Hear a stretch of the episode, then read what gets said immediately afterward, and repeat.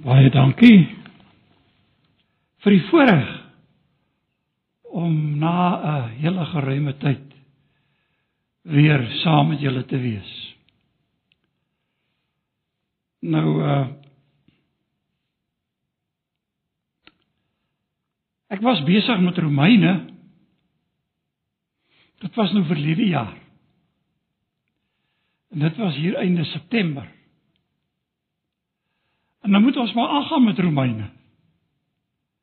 Nou herinner my dit aan 'n gebeurtenis wat plaasgevind het by die Baptiste Unie vergaderings baie baie jare terug. Waar hulle 'n sessie vergaderings gehad het die oggend. En na afloop van die vergaderings is hulle nou almal by die deur uit. En een van die leraars toe hy oor die straat loop kom per ongeluk voor 'n aankomende voertuig te lande. En dit tref hom teen 'n geweldige spoed.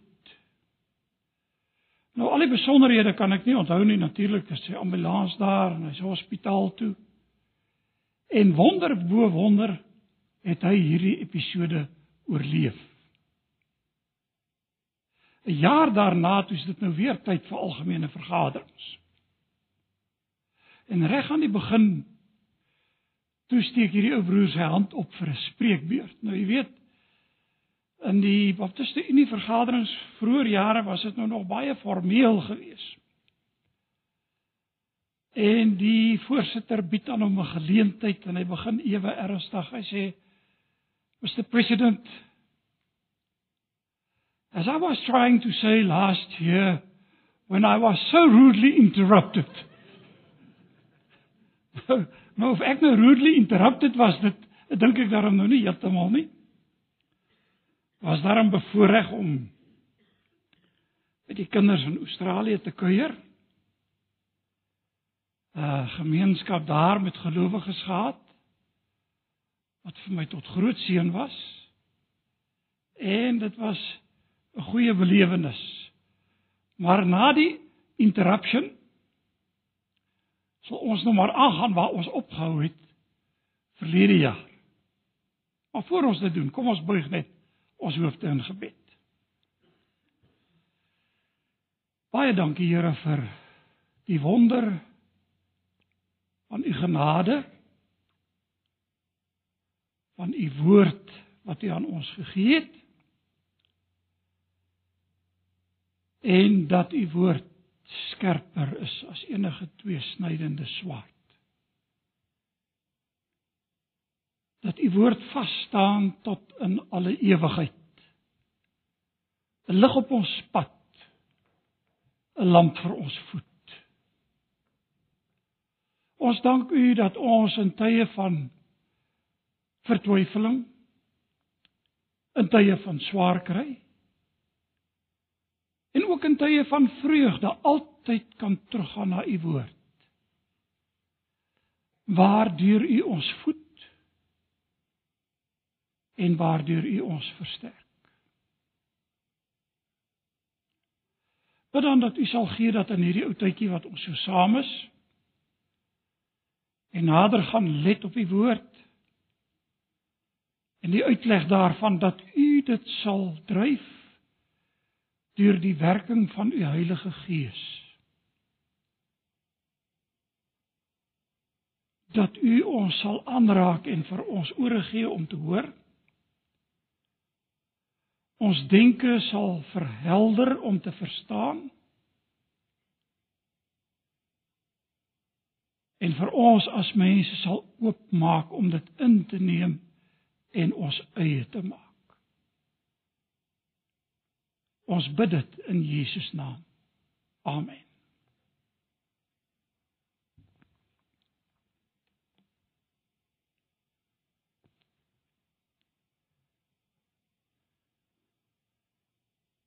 Ons het opgehou by Romeine 3. En dit was nou die einde September verlede jaar.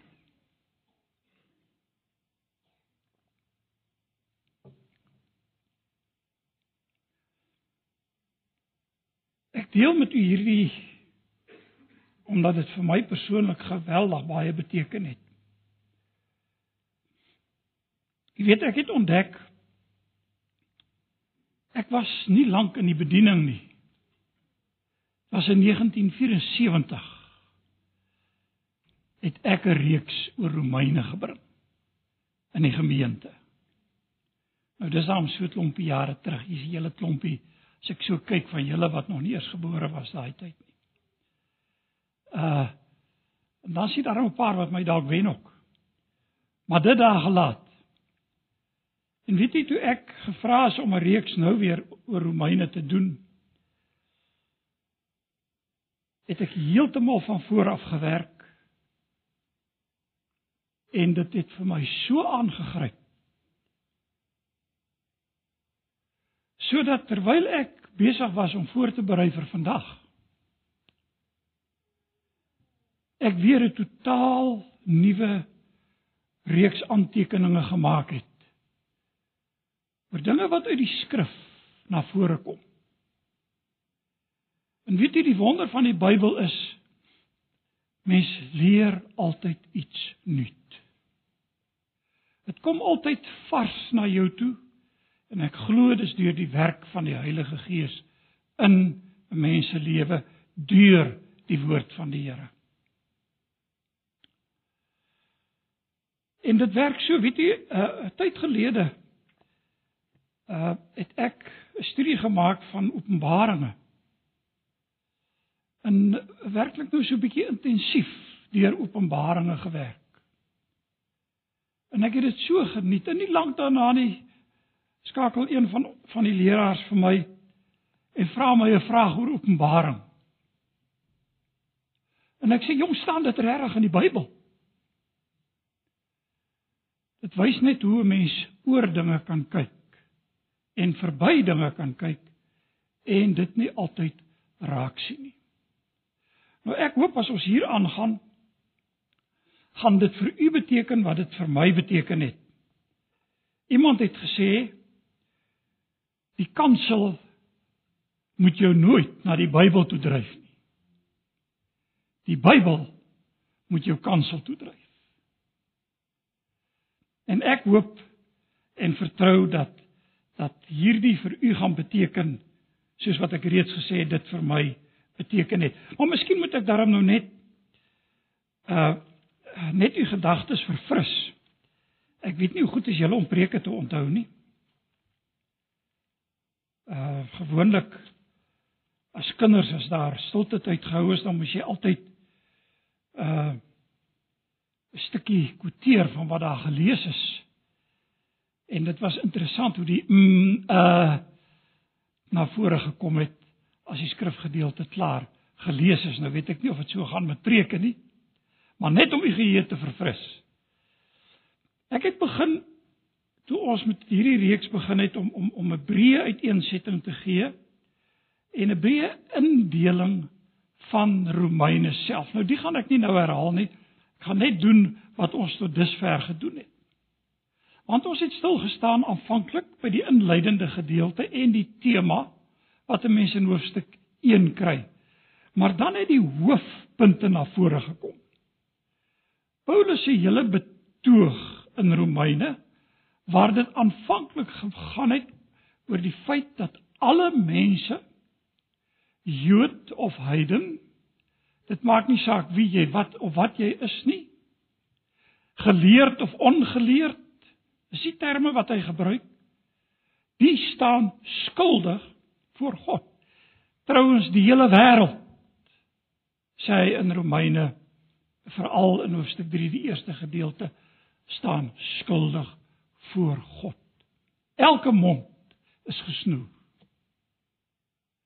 Daar is niks wat enige een kan sê ter verdediging van hom of haar self nie. Behalwe as hierdie klagstaat en ons het dit die klagstaat genoem, as hierdie klagstaat voorgelê word in Romeine 1:2 en begin van hoofstuk 3, dan is al wat jy en ek eintlik kan doen is om skuldig te pleit, nie waar nie? Dis die hele prentjie van die eerste gedeelte van Romeine En dan onverwags hier in hoofstuk 3 verander die prentjie by vers 21 by die woorde maar nou. In plaas dat daar 'n verdoemende vonnis kom van die doodstraf, kom daar vryspraak. Geregtigheid deur die geloof. Nie ons nie,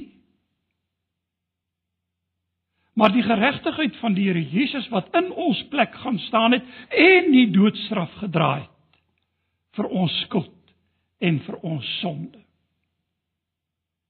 En nou kom die apostel Paulus en wys daarop dat dit nie deur die werke van die wet was nie, maar dat dit absoluut 'n genade daad van God se kant af is wat ingegryp het om ons te red uit genade terwyl hierdie klag staat absoluut verdoemend voor ons staan en ons word vrygespreek. Eintlik word daar gesê onskuldig.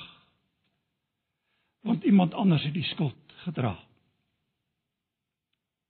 En dis die betoog van die apostel Paulus in die eerste 3 hoofstukke. Dan in hoofstuk 4. Nou hier gaan nou so 'n bietjie iets snaaks gebeur vanmôre.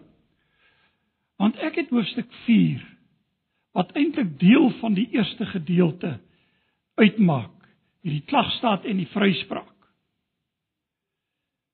Het ek nie met u behandel nie en dit was maar doodgewoon as gevolg van die tyd wat wat maar altyd 'n mens inhaal as 'n mens oor hierdie dinge praat.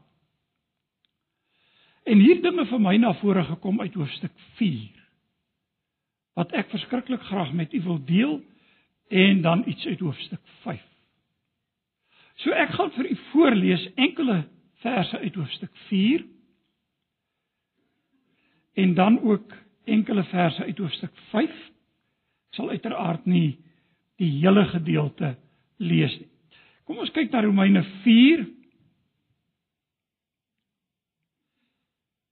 vanaf vers 15. Romeine 4 vanaf vers 15. Die wet Ek lees uit die uit die nuwe Afrikaanse vertaling. Uh en iemand het my gevra net 'n terloopse opmerking hier buite vanmôre, is dit so dat daar 'n nuwe Afrikaanse vertaling gaan verskyn? Ja, dit is so. Uh, ek kan dit ek het ongelukkig ook vir hom gesê ek het nie die die uh, webtuiste die adres saam met my nie maar u kan op internet gaan kyk uh ek ek as ek reg onthou is dit die die Bybel 'n direkte vertaling en daar sal ver gevorder met hierdie vertaling en die hoop dat hierdie vertaling in 2017 uh, die hoop is daar dat hierdie verklaring in 2017 voltooi behoort te wees, maar dis 'n groot proses, dis 'n verskriklike groot werk. Ek ek meen u kan dit dink. En daar's baie mense wat daar aan werk op hierdie stadium en ook uh uh kerklike lesers wat kommentaar lewer oor die oor die vertaling soos wat dit vorder. Maar ek noem dit vir u kan gerus as op die op die internet is daar 'n hele aantal boeke wat vertaal is. Dis nie die finale vorm nie. Maar vir die van julle wat belangstel, kan maar daar gaan kyk. Ek het punte van kritiek gehoor uh en ek wil tog vir u gerus stel. Ehm uh, daar was kritiek uitgeoefen op op die feit dat die, die apokriewe boeke insluit. Nou 'n deel van hierdie Bybel sluit wel die apokriewe boeke in. En ek dink dit raak veral uh mense in die rooms-katolieke tradisie wat dit in Afrikaans wil hê. Maar vir ons as protestante kom hy met die 66 boeke uit soos wat ons ontken.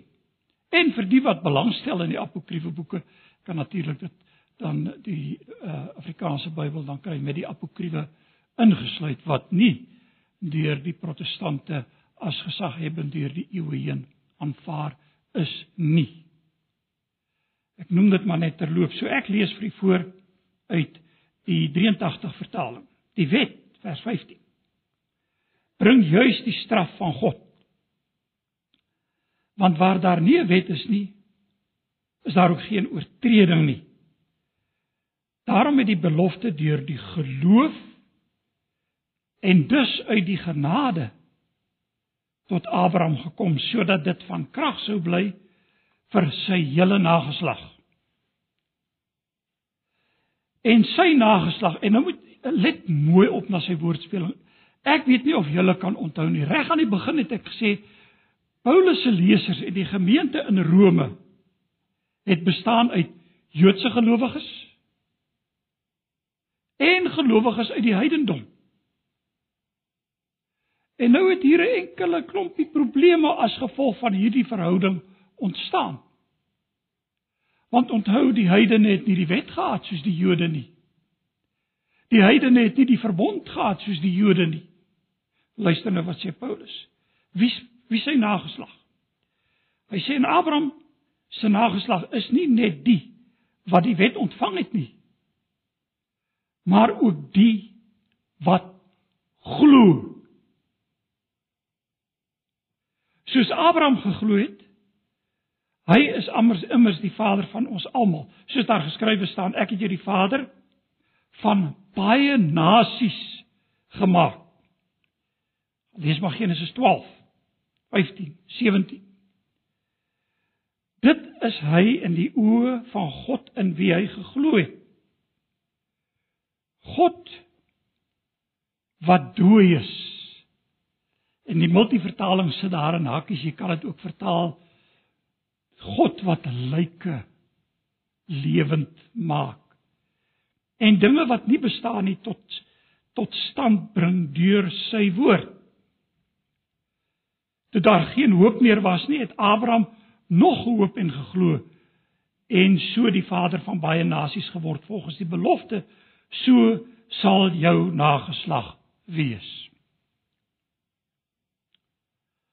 Al was hy so wat 100 jaar en al het hy dus goed besef dat sy liggaam reeds gedaan was en dat Sara te oud was om kinders te hê, het sy geloof nie verswak nie.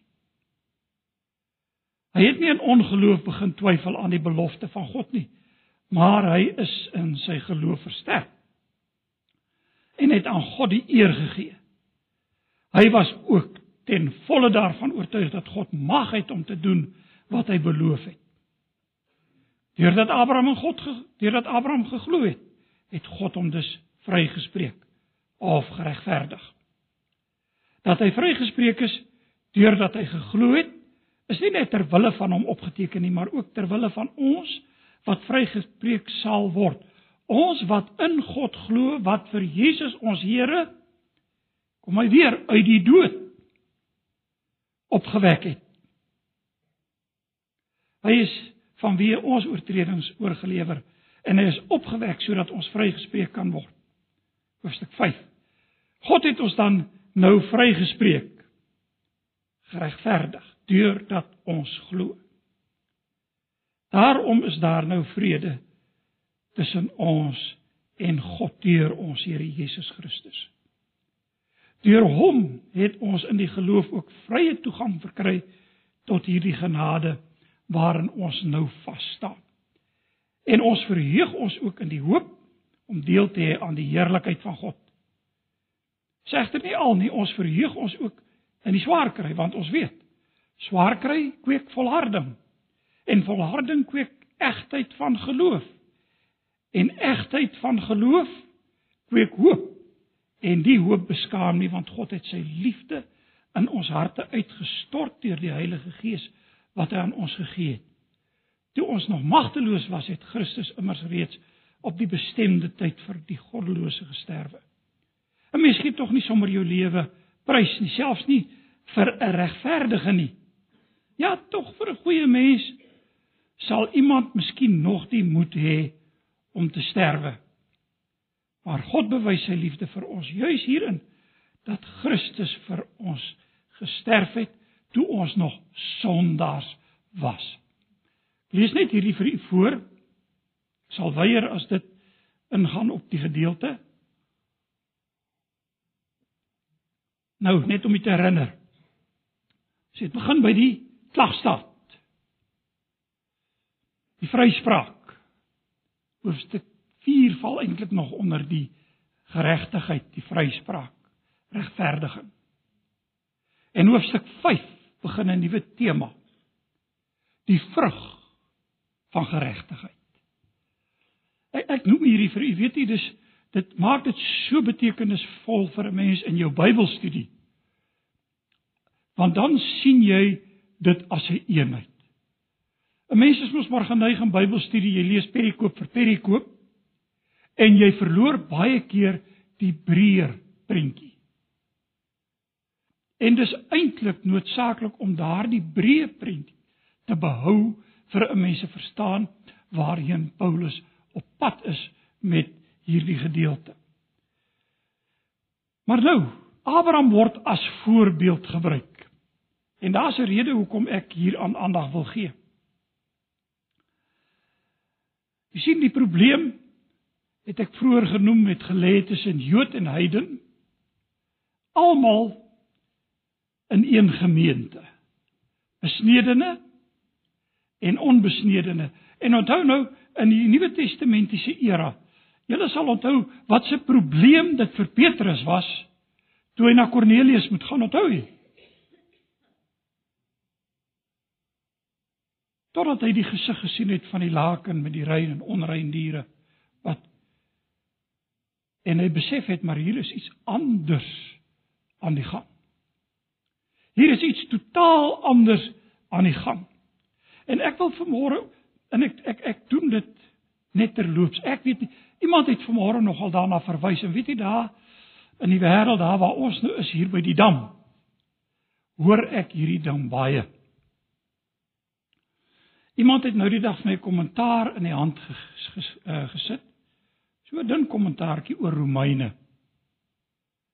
En ek was nogal huiwerig, maar toe kyk ek daarna en toe ontdek ek heiden het vir baie mense totaal ander betekenis gekry. Daar's diegene wanneer 'n mens lees van heiden interpreteer hulle die 10 verlore stamme van Israel. Miskien het julle daarvan gehoor, ek weet nie. Maar heiden verwys dan nou na die 10 verlore stamme van Israel. Met ander woorde, die evangelie is dus vir hierdie mense bedoel. Hulle is die heidene. Natuurlik is dit nie wat die apostel Paulus enigsins probeer sê nie. U kan hom nou maar lees van hoek tot kant. En my enigste kommentaar uh, nadat ek die betrokke kommentaar gelees het was dis daarom verskriklik interessant hoeveel moeite 'n mens kan doen om 'n teks te laat sê wat hy nie sê nie. Die apostel Paulus praat van heidene. In Efesiërs sê hy vreemdelinge van die verbond, hulle het nie deel aan die verbond nie. Dis van heidene wat hy praat en dis van hierdie mense wat die apostel Paulus nou praat. En vir die Jode in daai tyd was dit 'n probleem. En hier sit die mense in Rome en nou kom die apostel Paulus en hy gebruik Abraham as voorbeeld van geregtigheid uit die geloof. 'n Klassieke voorbeeld. En Abraham het 'n geweldige rol gespeel in daai tyd. Weet jy, die rabbies het dit geïnterpreteer in daardie tyd dat Abraham op grond van sy werke geregverdig is. En nou moet jy onthou Paulus was 'n opgeleide Joodse rabbi. En hy kom en hy sê daar's niks van waar nie, gaan terug na Genesis toe. Abraham is uit die geloof geregverdig. Oeps sê die heidene, maar dan dan waar's waar kom ons in? Want hy's nie ons vader nie. Ons kom van buite af. Hoe moet ons dit nou hanteer? En dis binne hierdie konteks waar die apostel Paulus dan nou hierdie interessante vraag vra: Wanneer het Abraham geglo en is sy geloof vir hom tot geregtigheid gereken? Het jy al daaraan gedink? Ja. Voordat hy besny was. Abraham kom as 'n heiden onbesnedene tot geloof in God. En dan sê vers 11, hy ontvang die besnydenis as 'n teken en 'n seël van die geregtigheid uit die geloof. So Abraham kom as onbesnedene tot geloof. En daarmee kom die apostel Paulus om vir hierdie heidene te sê: Maar moenie bekommerd wees nie. Abraham is die vader van almal wat glo, hulle wat onbesnede is want hy tot geloof gekom toe hy onbesnede was. En hulle wat besnede is want hy's ook hulle vader. Almal wat uit die geloof is. Galasiërs 3 sê dit ook. Hulle wat uit die geloof is. Hulle is kinders van Abraham. Nou ek weet selfs hierdie in baie opsigte is soms maar so 'n bietjie 'n 'n 'n sensitiewe saak. Want ek weet iemand het eendag dis lank terug het ek uh hier gepreek. Dis 'n hele paar jaar terug. En toe het iemand vir my gesê die opmerking gemaak: "O, glo jy aan 'n replacement theology?" Nou replacement theology bedoel nou uh 'n sinspeling daarop dat die kerk Israel vervang En my reaksie is natuurlik en dit sal ek nou vanmôre vir sê, dan weet julle nou wat ek glo. Dan hoef julle nou nie onrustig te wees nie en jy's ook welkom om my van my te verskil. Ek glo nie aan 'n replacement theology nie. Ek glo aan 'n theology of fulfillment. 'n Vervullingsteologie.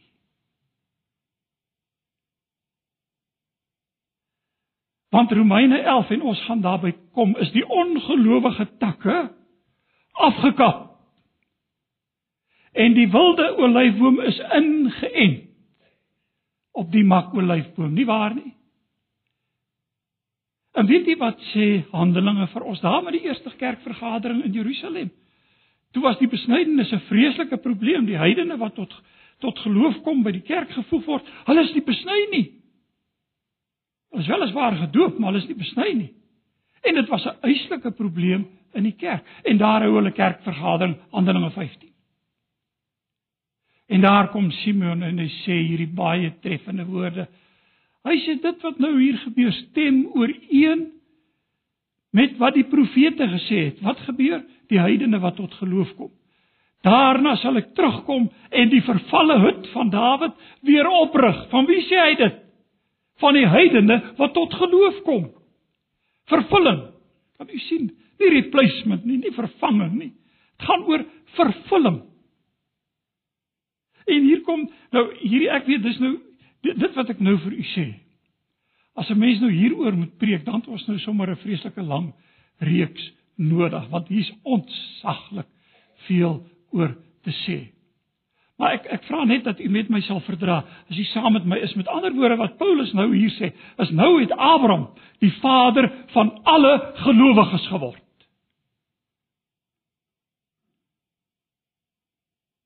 Met ander woorde, kom ek stel dit in taal in in in in in volksterme. Hier sit Israel. Die nuwe Israel van God. Saam met die ander wat tot geloof kom want Paulus sê in Romeine 11 God is magtig om hulle weer in te en as hulle nie in ongeloof bly nie. Sien met my. Ek sal weer daaroor praat want ons sal by Romeine 11 uitkom.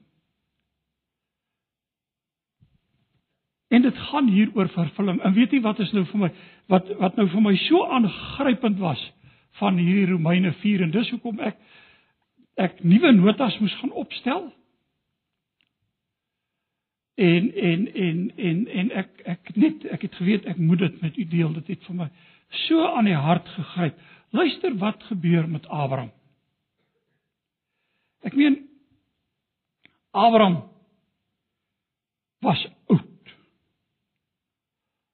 Onthou u toe die belofte gemaak is en Sara dit hoor. Het sy in die tent gaan lag. En onthou jy wat was die seun se naam? Isak. Beteken gelag. Die Hebreëus is Yitzchak. So. Nou weet ek nie of ek uh of ek vrolik genoeg is om die naam gestand te doen nie. Maar hoe dit ook al sê, dit was onmoontlik. Dit was menslik gesproke onmoontlik.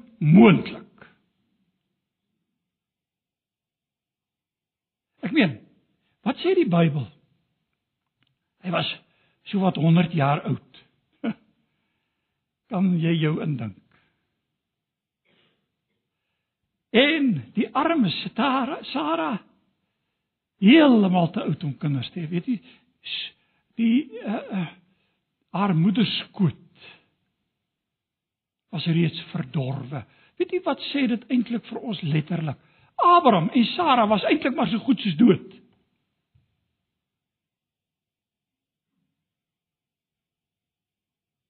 En hier is die wonder van God se manier van werk. God skep vir hom 'n volk uit die dood. Uit Abraham wat ver, wat wat stokhoring oud is. Ek word nou nie is iemand wat 100 is en my kwaliek neem. Maar hy's 100 jaar oud. Sara is oud. Daar's menslik gesproke medies gesproke hoegenaamd geen kans Dis net 'n onmoontlikheid en wat doen Abraham? Hy glo teen hoop op hoop. Weet jy baie jare terug is is 'n oom van my oorlede. En uh, ons is af Durban toe, hy's daar begrawe. En daar by die graf begrafnisondernemers het ek sy lijk gesien en gedink aan die woorde van Jesus wat gesê het hy wat in my glo sal lewe al het hy ook gesterwe. Nou kyk na iemand wat gesterwe het en sê dit vir jouself. Abraham glo teen hoop op hoop. Dit wat hy sien kan nie gebeur nie. Dit wat sy verstand vir hom sê, kan nie gebeur nie. Maar God gryp in en hy skep uit die dood 'n volk. Weet jy dit dit wys vir my op op die grootheid van God se genade en die feit dat God soewerein doen soos hy besluit het.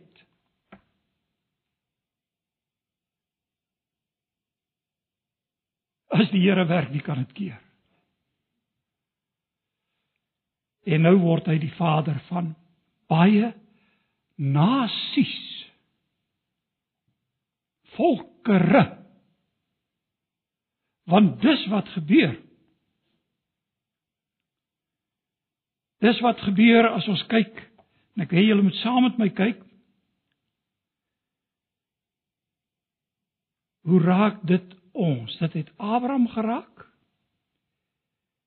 En hier in vers 23 dat hy vrygespreek is deurdat hy geglo het, is nie net ter wille van hom opgeteken nie, maar ook ter wille van ons wat vrygespreek sal word. Ons luister nou na hierdie woorde. Wat in God glo, wat vir Jesus ons Here uit die dood opgewek het. Hy skep vir hom 'n volk uit Abraham. En ons kan sê uit die dood. Hy skep vir hom 'n volk, 'n kerk uit Jesus wat gesterf het en wat opgewek is, wat opgestaan het in heerlikheid. En ek weet ons leef ons nou in 'n era waar uh, die opstanding nou nie meer so prominent altyd staan nie. En ek het gelees en ek het gesien en ek het eerstens ervaring van van mense wat in teologiese fakulteite sit en wat die opstanding van Christus verwerp uh en dit herinterpreteer. Dit maak nie saak of die graf leeg is nie, maar Jesus het opgestaan in die prediking en in die verkondiging.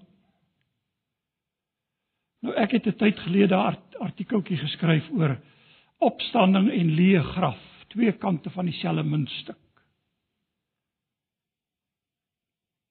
Want ek kan nie Jesus as opgestane opgestane Heer verkondig met 'n skoon gewete as die graf nie leeg is nie. Maar het jy opgemerk hoe dat die evangelie klem lê op die feit daar was 'n leë graf. Jesus het opgestaan. En natuurlik het Bultmann en ander vandag gesê ja, maar ons is daarom nou 'n bietjie te slim geword vir die Bybel. Ons weet nou meer as wat die Bybel weet en ons weet dis mos nou onmoontlik vir dooies om op te staan. Nou ja. So onmoontlik as wat dit was dat Abraham 'n nageslag kon hê. God skep 'n volk. En toe Jesus weggelê word in die graf. Toe wek God hom op uit die dood. En jy en ek is vandag getuies daarvan want weet jy wat sê Paulus? Ons is weergebore deur sy opstanding uit die dood. Maar wat van jou en my? Wat sê die Bybel oor ons? Want dit het nou maar net bygekom. Want hier in vers 25 lees ons hy's van wie ons oortredings oorgelewer. En hy is opgewek sodat ons vrygespreek kan word. Wat van ons? En weet jy toe dink ek nogal aan wat Paulus gesê het in Efesiërs 2. Julle wat dood was deur die misdade het hy lewend gemaak. Ons wat dood was deur die misdade. Paulus sê dit aan die Efesiërs. Die Bybel sê dit vir ons. Ons wat dood is in sonde.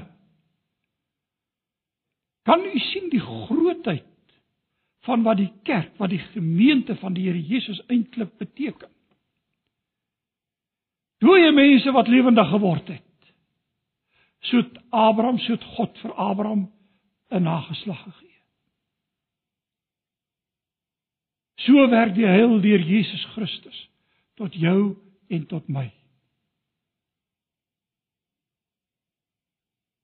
En individueel is dit ook ons belewenis. Omdat ek en jy weet dat in ons was daar niks aanneemlik voor God Weet jy ek sien die heil so duidelik as van God afkomstig. Ek kon werklik nie eens my hand uitsteek nie want ek is dood in sonde. Dis God wat my by die hand moes gryp.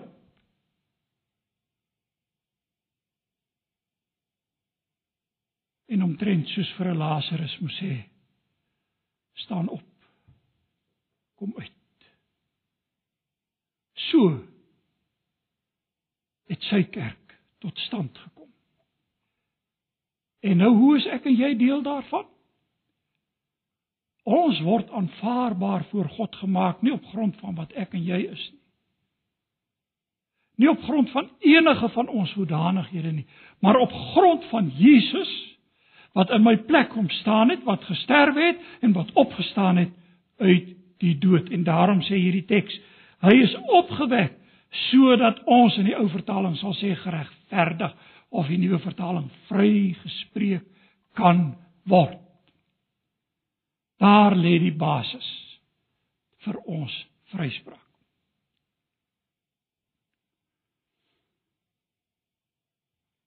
Ek wonder of ons werklik die grootheid van God se genade verstaan. Ek dink nie ons kan nie. Ek dink ons kan in verwondering vanmôre sê God het 'n volk geskep uit die dood. Wat sy vervulling gevind het in die kerk uit die dood. sodat ons kan lewe. Hoe groot is God? Hoe ondeurgrondelik sy weë. En hoe klein en nietig staan ons voor hierdie lewende God wat ons deel gemaak het van sy kerk sodat die belofte aan Abraham Jy sal die vader wees vir baie nasies en ek quoteer die teks nou nogal dikwels want weet jy vandat ek laas hier was tot nou het ons nou nog twee kleinkinders ryker geword. En ek sê ek word nou soos vader Abraham, jy weet met 'n nageslag soos die sand van die hemel, die sand van die see en die sterre aan die hemel. Hy het ons sy eiendom gemaak, hy het sy kerk in die lewe geroep. En mag ons dit altyd altyd onthou. Nou ek het nou nie uitgekom. In die tyd het ons ingehaal by die vrug van die vryspraak nie. Nou ek sal ek sal julle dit spaar. En dan sal ek nou vir die volgende geleentheid aangaan met die vrug van geregtigheid. Wat is die gevolge van al hierdie wonderlike dinge vir jou en vir my in ons lewe. En dis waaroor Paulus nou gaan praat verder. Kom ons buig ons hoofde in gebed. Here ons ons verheug ons in die grootheid van u genade en dat u u belofte waar gemaak het die belofte aan Abraham in jou sal al die geslagte van die aarde geseën wees. En dat U vanmôre vir ons kom sê, julle is die kinders van Abraham. Julle wat uit die geloof is. En ons bid Here dat dit nie vir ons hoogmoedig sal maak nie. Maar dankbaar. En dat ons vir U sal dien en eer in opregtheid. In Jesus naam. Amen.